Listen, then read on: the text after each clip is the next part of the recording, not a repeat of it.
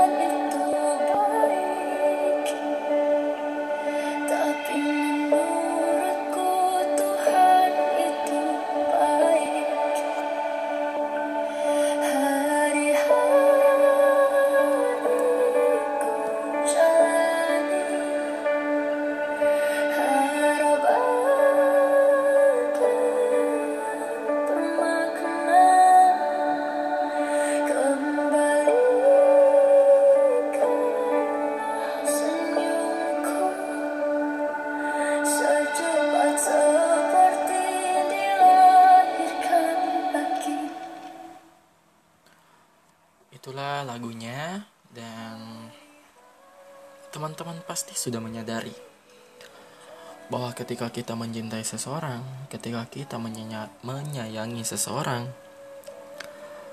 kita pasti sebelumnya sudah memiliki rasa ingin menjaga seseorang. Karena pada hakikatnya menjaga adalah satu tingkat di bawah rasa sayang dan rasa cinta. Saat kita mencintai seseorang, harapan akan kebaikan atas orang tersebut selalu menjadi yang paling utama. Kita berharap orang tersebut hidup dengan nyaman, tidur dengan nyenyak, bisa setia dan mungkin tidak berpaling ke lain hati dan hanya berfokus kepada kita. Tetapi coba pikirkan kembali bagaimana bisa hal-hal itu terjadi bila kita sendiri tidak memiliki hak untuk memiliki dia. Kita hanya sebatas menjaga loh. Kita tidak memiliki Bagaimana kamu yang tidak memiliki, kita yang tidak memiliki, lantas bisa menjaga dengan seutuhnya. Bagaimana kamu memperhatikan keadaannya ketika kamu sendiri tidak punya hak apa-apa kepadanya? Hmm, dan itulah yang memang jadi perkara rumit. Kita bisa dengan mudah berkata bahwa kita mampu menjaga dia. Tetapi kita tidak pernah mempersiapkan hati. Apakah kita bisa melihat dia bahagia dengan yang lain dan kita hanya sebatas menjaga dia.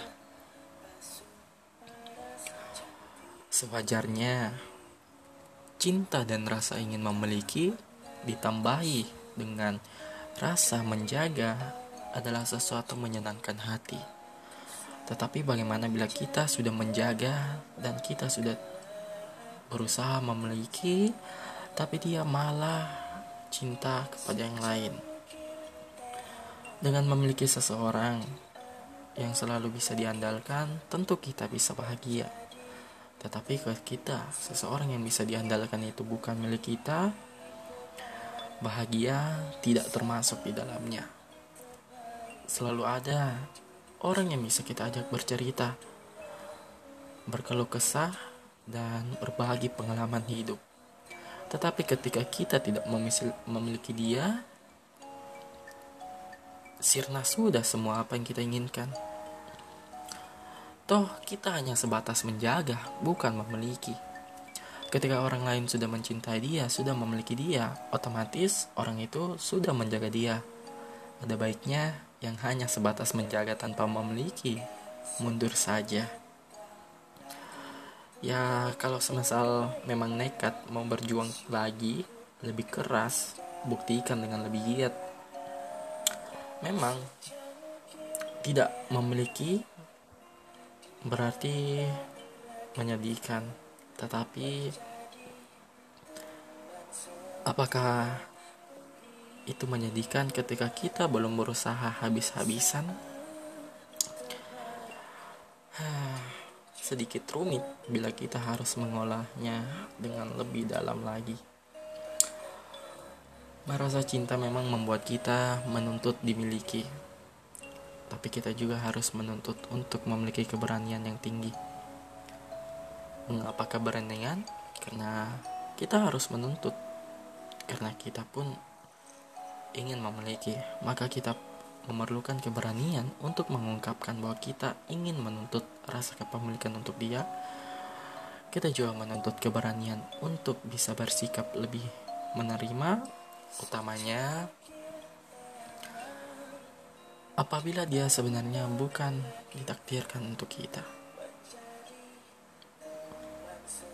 Mencintai apa yang tidak kita miliki itu sebenarnya hanya membuat kita fokus pada angan-angan yang sebenarnya tidak akan ada habisnya. Kenapa? Karena ya bisa dikatakan kamu juga masih cinta sendirian, masih jatuh cinta sendirian.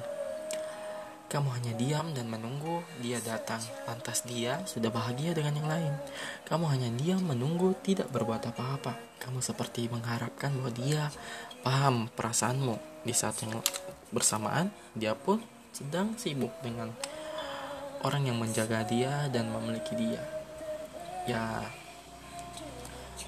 selagi dia belum ada yang memiliki, usahakan menjaga dia dengan cara yang luar biasa. Tunjukkan melalui tindakan, siratkan melalui kata-kata. Ibaratnya ini kalau kamu tidak bisa memiliki dia, kamu sedang berjalan di pertokoan. Beberapa toko kamu lewati, kamu menikmati beberapa etalase yang menampilkan tas-tas indah, ataupun gelang-gelang indah, ataupun hal-hal yang kamu sukai lainnya. Namun, kamu tak bisa memiliki hal itu, bukan karena kamu tidak punya uang, tetapi karena beberapa hal memang tidak bisa dibayarkan dengan uang. Kamu hanya menikmati etalase itu dan terus berjalan. Kamu hanya melintas tanpa pernah menanyakan apakah tas, gelang, dan perhiasan yang kamu inginkan atau mungkin barang-barang lainnya itu dijual. Kamu tidak menanyakan hal itu karena kamu tahu apa yang kamu lihat tak bisa dibayarkan dengan uang. Ya, kamu hanya perlu lewat, melewati toko-toko itu. Ibaratnya hidup, tak semuanya berjalan sesuai rencana. Beberapa rencana kadang keluar dari garis hidup dan kita harus mau tidak mau membuat rencana baru. Ungkapan jodoh memang tidak akan ke mana. Usahakan jangan dijadikan pembenaran saat kita tidak bisa menjaga apa yang kita ingin miliki. Karena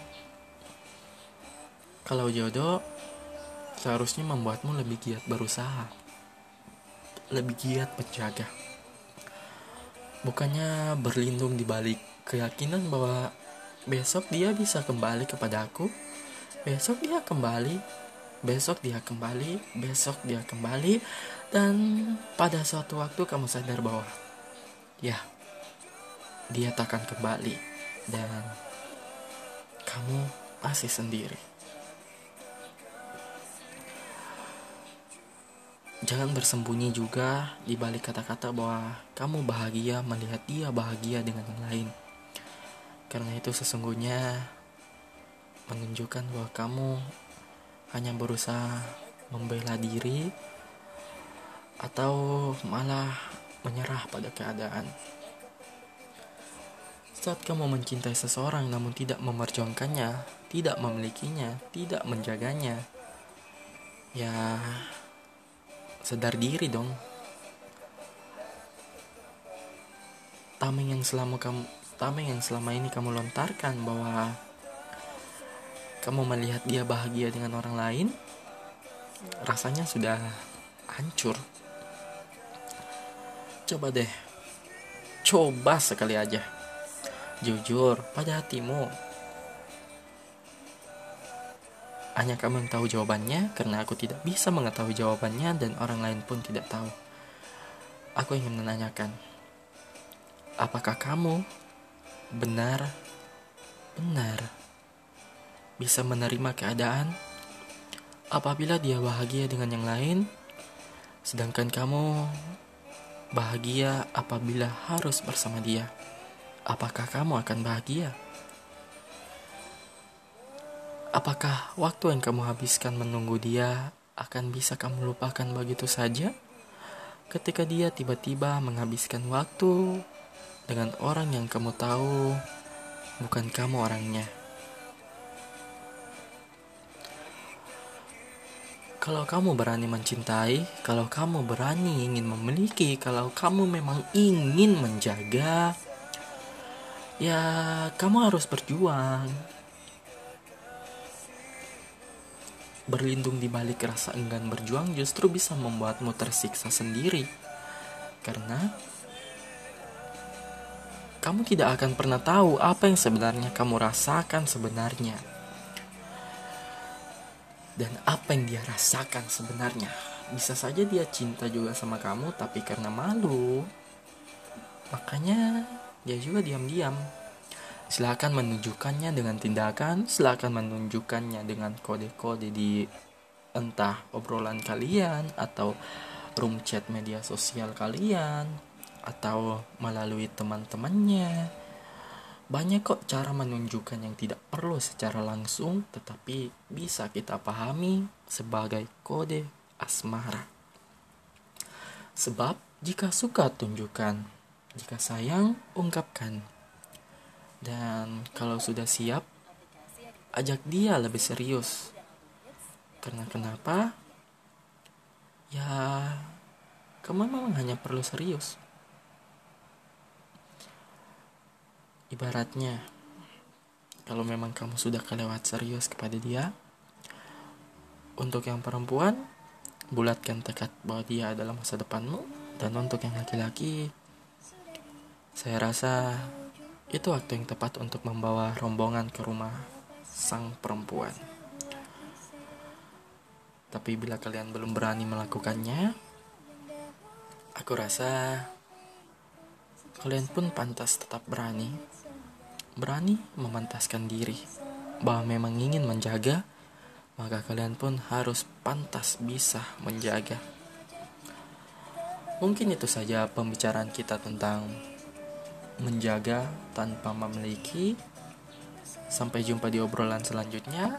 Semoga kali ini berkesan dan menyenangkan. Apabila ada yang kurang, semoga bisa kita berobrolan selanjutnya dan bercerita apakah bisa kita lebih baik lagi. Dan sampai jumpa di sini.